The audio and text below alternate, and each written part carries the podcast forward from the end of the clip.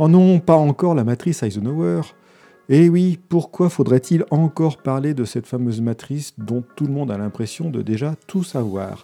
Bienvenue, vous êtes sur le podcast J'ai pas le temps pour ça, ça tombe bien, présenté par Eric Boucher. En moins de 3 minutes, on va essayer de voir un concept d'organisation et en quoi il peut vous aider au quotidien. Pourquoi ressasser encore cette matrice dite Eisenhower ou urgent important? Parce que le diable se cache dans les détails, en l'occurrence dans la matrice, sur la définition de ces deux termes. Qu'est-ce qui est urgent Qu'est-ce qui est important? Pourquoi euh, le diable et les détails? Ben Parce que ce qui est urgent, on est généralement à peu près d'accord qu'on parle de temps. Mais l'échelle de temps peut totalement varier d'une personne à l'autre. Pour certaines personnes, ce qui va être urgent va être de l'ordre de l'heure, de la minute, et pour d'autres de la journée, voire plus. Et donc on peut se tromper en toute bonne foi sur la compréhension de cela. L'importance, c'est encore plus subtil qu'est-ce qui est important pour moi et est-ce la même chose qui est important pour toi?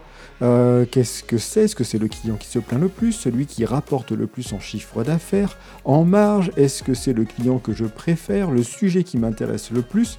On le voit, la notion d'importance, eh bien, il a besoin qu'elle soit clarifiée puisque on peut aussi, bonne fois, se tromper là-dessus.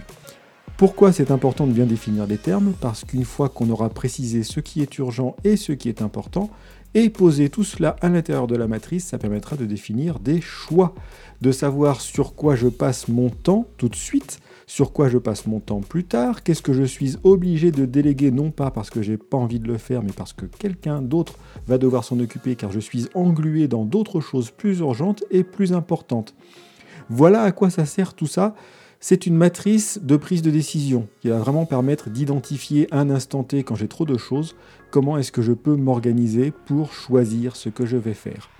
Et puis, il y a le petit cadeau du bas, euh, les choses qui sont moins urgentes, moins importantes. Dans la littérature officielle, on vous recommande pour ces choses-là de les jeter, de les oublier, pour une raison très simple, c'est que vous n'aurez pas le temps de vous en occuper je vous propose un petit intermédiaire qui est le un jour peut-être, simplement de se dire bah, si c'est pas maintenant, peut-être qu'il arrivera des événements où je peux m'en occuper. Et donc ces choses, il y a peut-être certaines choses qui sont un tout petit peu plus importantes, mais pas assez pour que vous en occupiez tout de suite.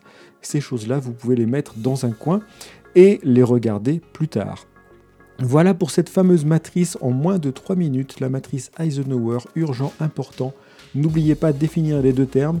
Et petite réflexion aussi avant de partir, dans la case délégué, ça veut dire qu'il va falloir trouver quelqu'un pour vous en occuper. Et donc vous allez mettre dans la matrice de cette personne de nouvelles tâches à faire. Pensez-y, il va falloir qu'elle revoie ses priorités. Allez, on se revoit au prochain épisode.